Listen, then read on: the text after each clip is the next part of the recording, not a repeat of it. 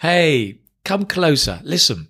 Do you want to know how to become fluent in a language like English? Do you want to know what fluency is, how to achieve it, what you should really focus on first to become fluent? If so, then stick around and listen to this video. It's a special video because I'm going to be doing an interview with the CEO of LingQ. LingQ is a fantastic tool. I recommend it all the time to my students to build your vocabulary and improve your listening skills. It is amazing. And one more thing the guys at LingQ have agreed to give all of my students a 35% discount off their annual plan. So if you are interested in using the tool, you can get it for free, but there is a paid for version which gives you lots more. Check the link below, you'll get a 35% discount off the annual plan. But here in this video, I'm going to interview Steve Kaufmann. He's a polyglot. He speaks over 20 languages.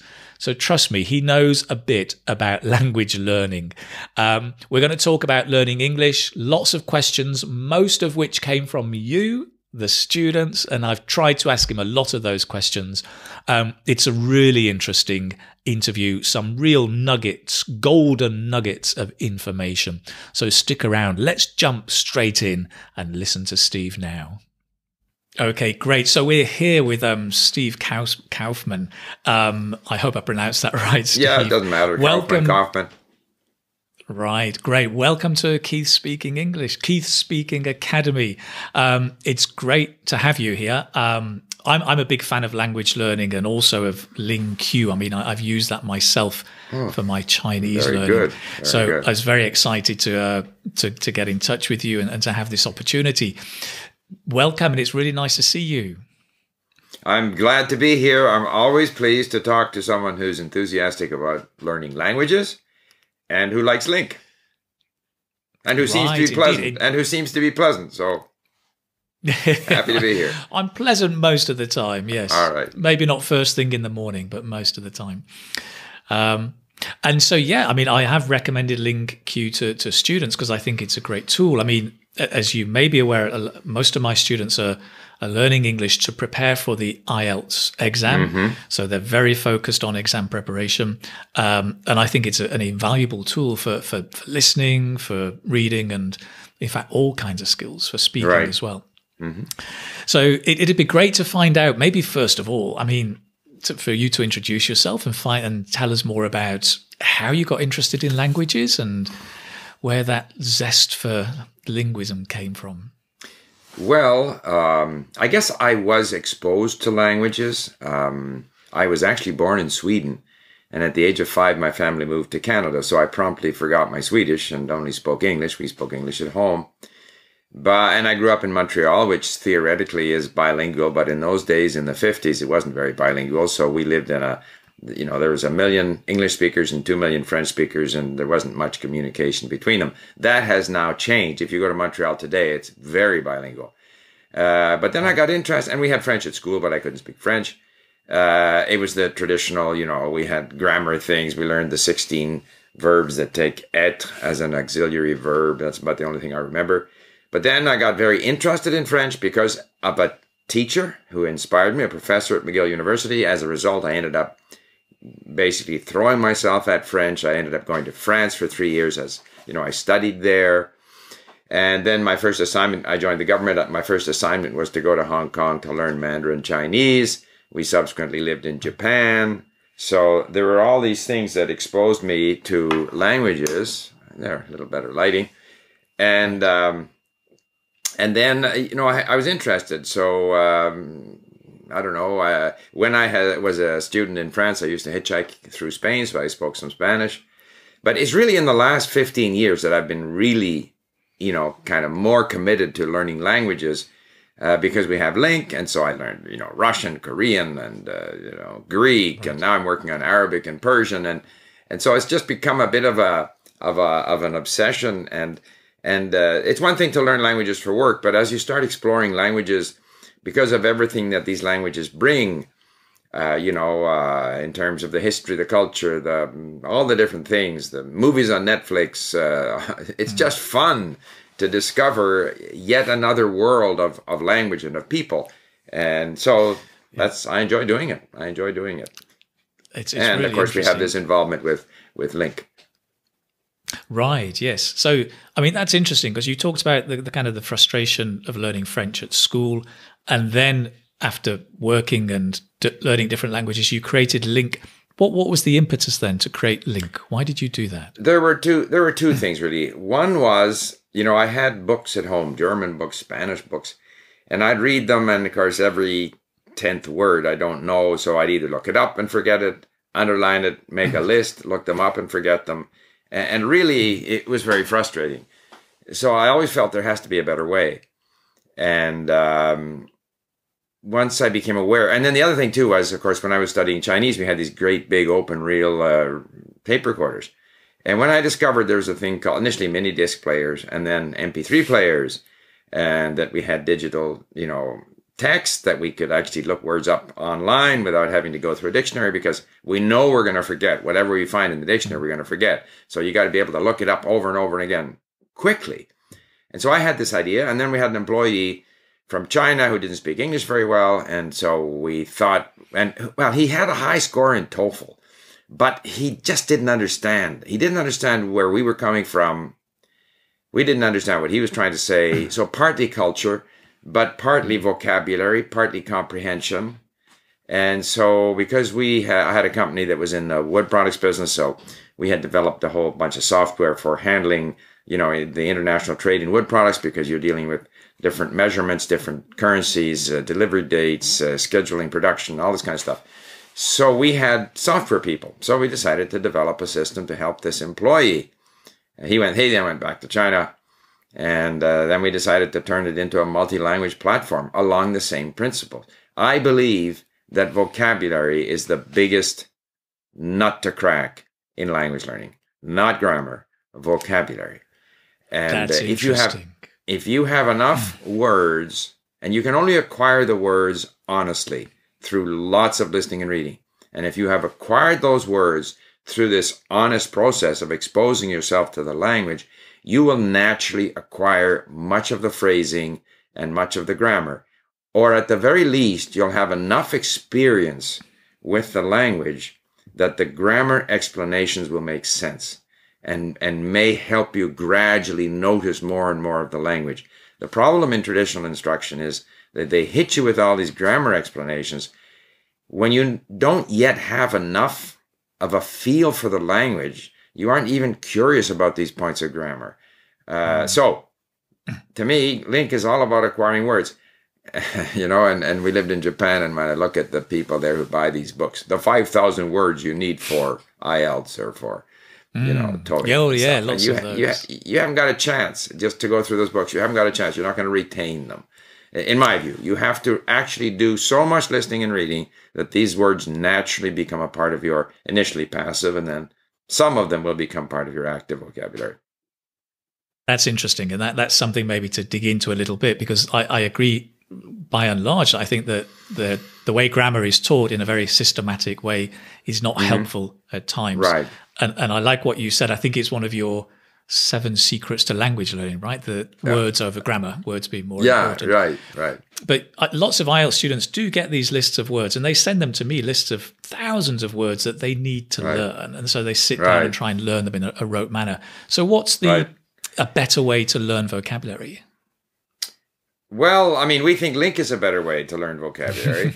One thing that, that I have done, uh, but I'm not a student of English, but if I were a student of English, I would grab the 5,000, you know, IELTS words or the academic word lists or any of these other word lists, and I would import the whole thing into LingQ and see how many of them are blue, that you don't know them, and how many of them are yellow, that you're trying to learn them. Uh, well, initially they'd all be blue, right? But get them Right. in there and now go off and do other texts, you know, study whatever you're interested in, and see uh, how many of those words on that list start to turn to yellow or eventually to white. But, uh, uh, or at some point, you know, uh, if you were on LingQ and you had been on LingQ for say six months, LingQ will tell you you know ten thousand words or whatever the number is because LingQ tracks how many words you know. So at that point, if you bring in your five thousand IELTS words, then you will see on that list how many words you still don't know.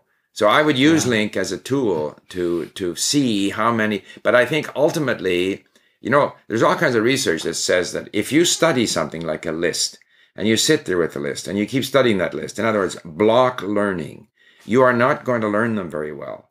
If, on the other hand, this process is called interleaving. If you kind of look at this and do something else and wander around and come back, forget, relearn, forget, relearn, you learn them better. And in a way, lots of listening and reading is a form of interleaving because you are encountering these words in different contexts. And I see now in my Arabic, when I started, like Arabic was just noise and I understood nothing. And I had to deal with a difficult, for me, writing system. But now most of my pages at LingQ are white. I have 13, 15% uh, unknown words, in- including names, so those don't really count. And then maybe I have another 20 or 30 or 40% that are yellow, words that I'm gradually learning, but the rest of them are known, white. And so right. to me, uh, and I do a lot of listening. I listen first thing in the morning when I make breakfast. I listen. I listen. If I don't understand, I go and read it, look up words, listen again. So to me, that's the process. Now, other people may have other processes you know it's great it's, it's interesting uh, just just for listeners who are not sure maybe about LingQ if, if you haven't used it the the, the yeah. vocabulary changes color right there are different colors as and when you learn right. it the color changes right.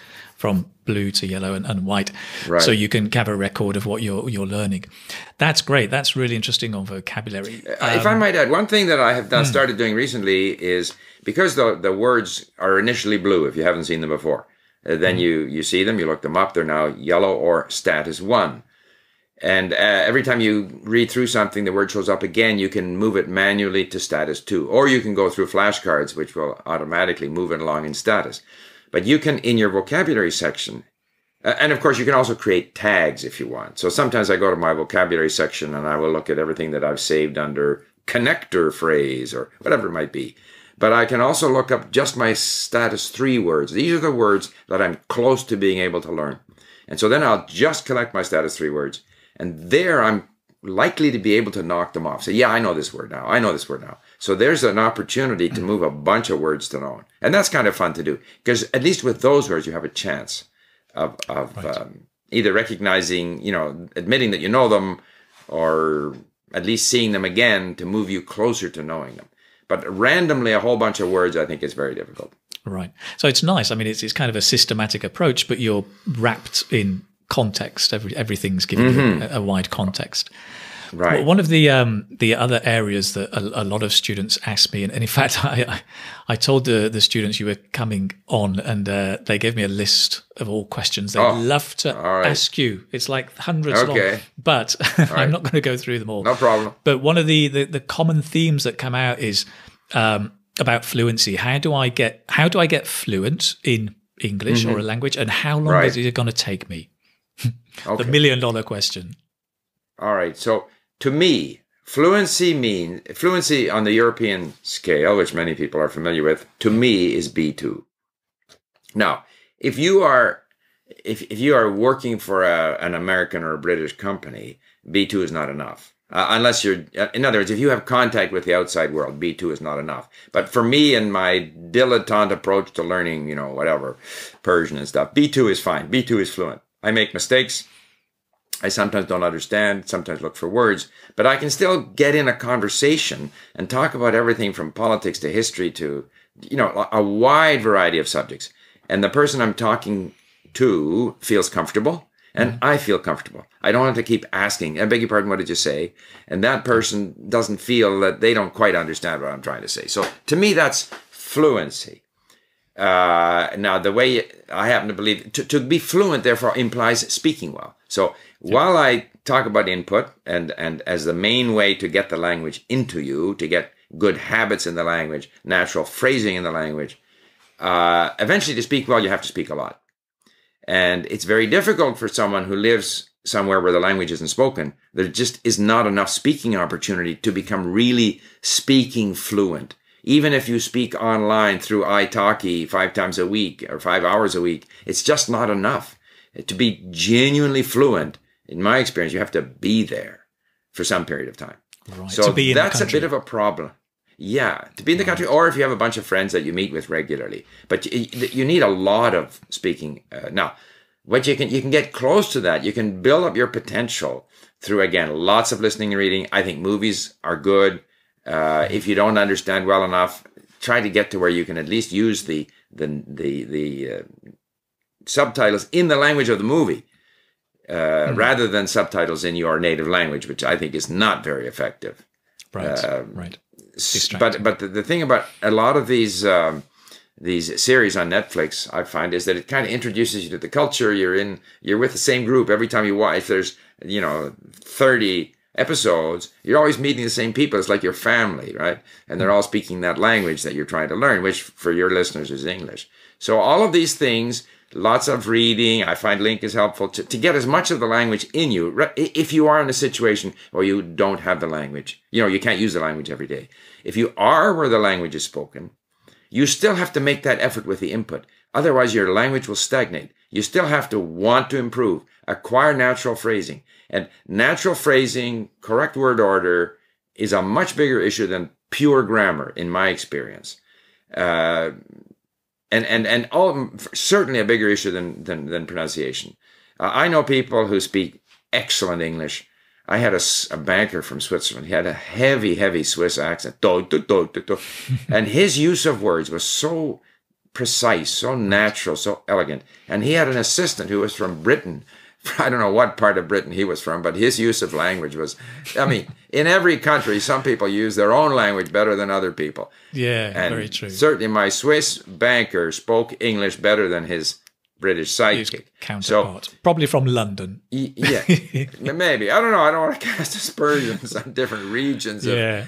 But no, it wasn't so much the accent, it's just his use of words. His right. use of words was very basic.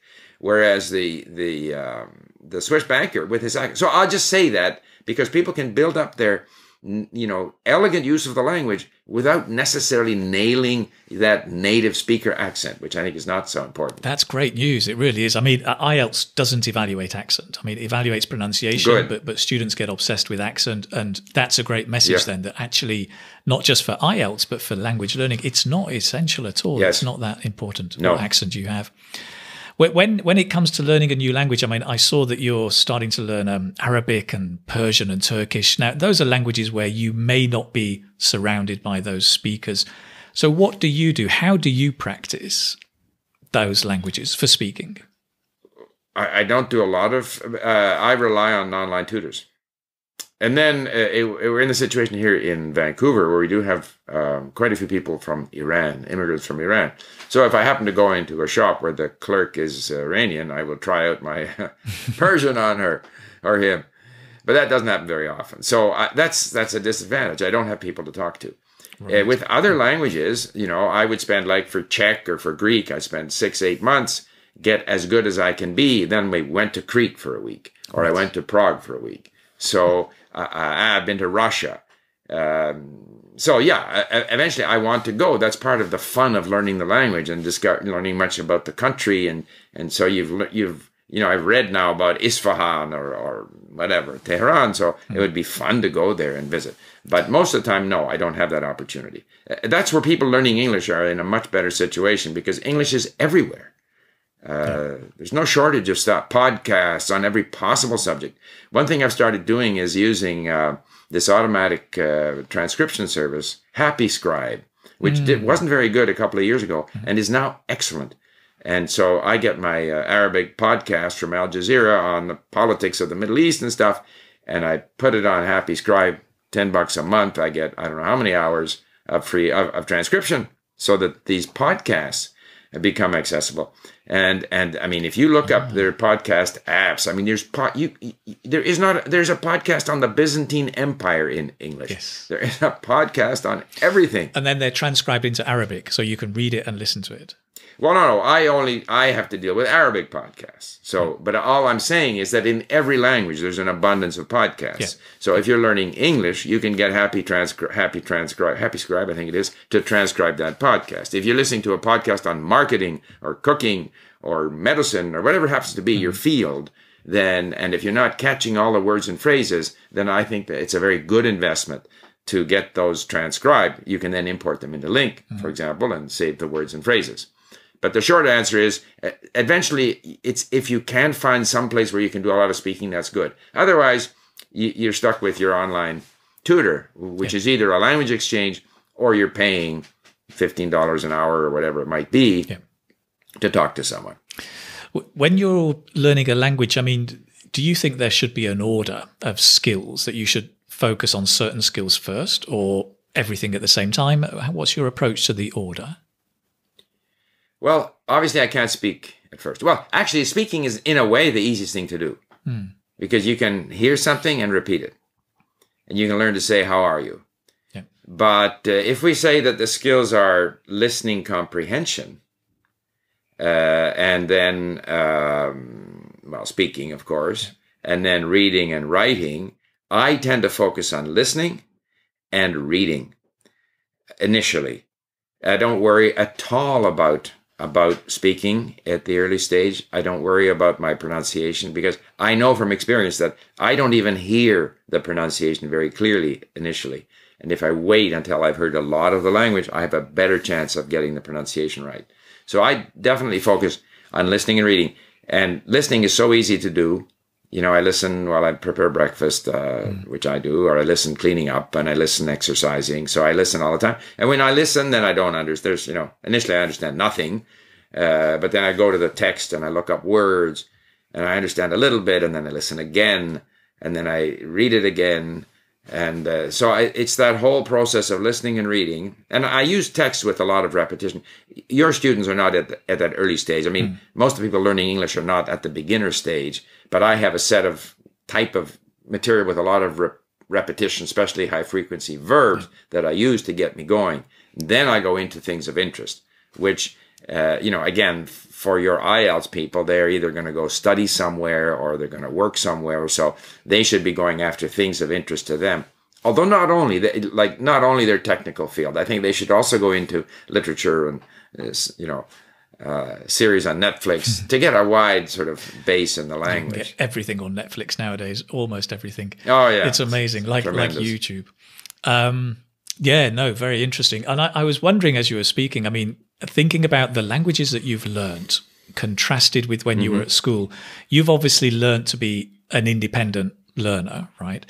H- how Right. important is it to learn how to learn a language? Well, I think it's important. Uh, I think the biggest thing is to take control of your own learning. Right. So if you have to take the initiative, um, so you know you have to want to learn. Right. Uh, you have to seek out content of interest to you and content that you like. Like you know, from school, the teacher says, "Open to page twenty-five. Today, we're going to read this." Yeah, but I'm not interested in this. Yeah, you know, exactly. so so so you and nowadays it's so much easier because of the internet. So find things. It's very important that what you listen to that you find the voice pleasing. Right. You know, if you get a scratchy recording and the voice is very wooden and or you don't like the voice for whatever reason, that is difficult to learn from. Whereas if the subject matter captivates you, if the people speaking are pleasing to your ear, so therefore it, it requires some effort to go and find stuff that that is going to work for you. So that there's initiative there. I think there's also initiative required. For example, on LingQ you say words and phrases. Phrases you want to be able to use. Find those phrases. Save those phrases. These are the phrases that you want to be part of your language. It's not because the teacher says, here's a phrase. Maybe I'm not ready for that phrase. Maybe in two months from now, I'll be, you know, all over that phrase. But right now, I don't need that phrase. I'm not thinking in terms of that phrase. So you've got to be the one to find the phrases. Um, you've got to notice where your problems are. That's where speaking comes in. Like I treat my uh, sessions with a tutor as a place to discover my gaps. What am I missing? So then I got to go back when I'm listening and reading and actually try and pay attention that in fact it's not spoken this way, it's spoken this other way. Which, as you know, we miss so much. We don't notice, we don't notice. And all of a sudden, six months later, when we listen to something for the 30th time, we notice something that completely passed us by earlier. So you have to want to notice. And even if you want to notice, you won't notice everything. But you have that that mindset. I want to I want to learn this language. I want to learn these phrases. These are the phrases I want to be able to use from this content. And then if you're curious about a certain aspect of grammar, Mm. you know, for example, I uh, here I have a book on English grammar, modal verbs. They go on for 25 pages of modal verbs. If you get hit with that without being in any way curious about it, you haven't a chance of learning it.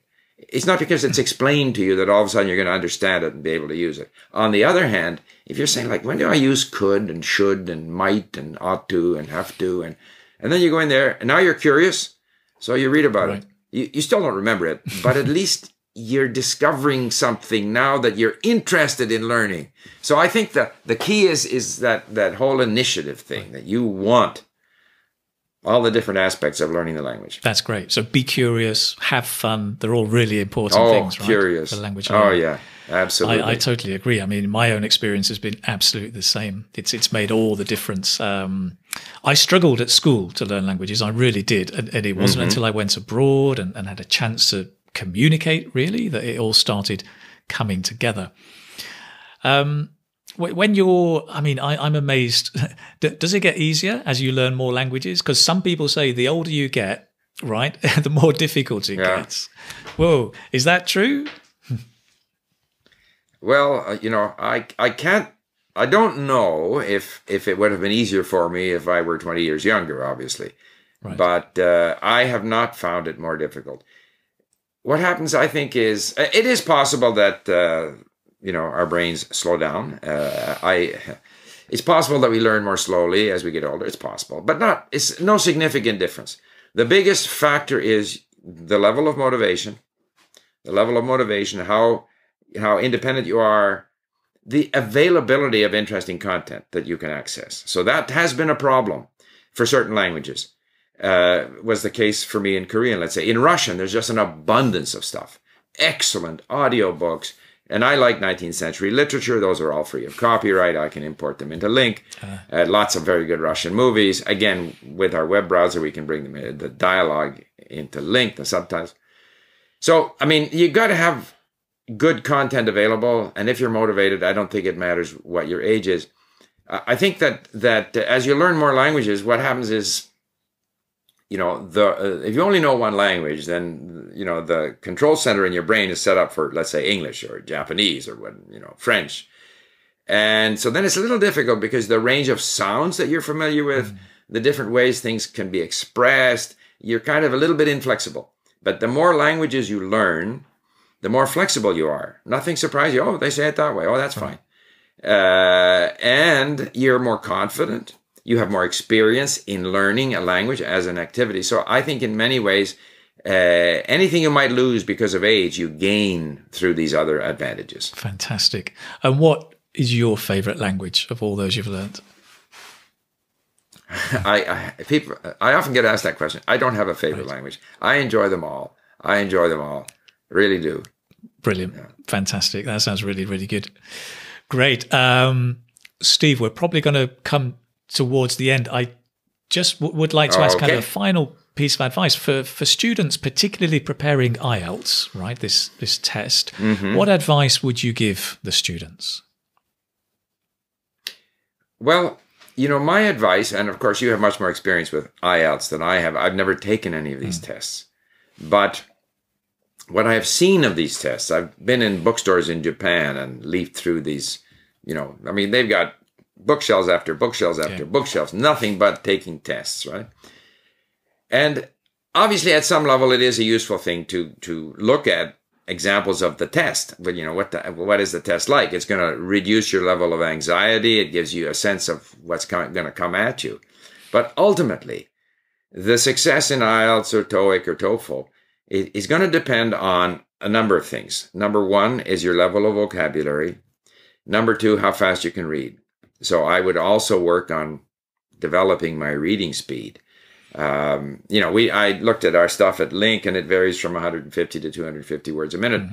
Um, certainly, uh, you know, anything that is read is slower, and when people are talking, it's faster.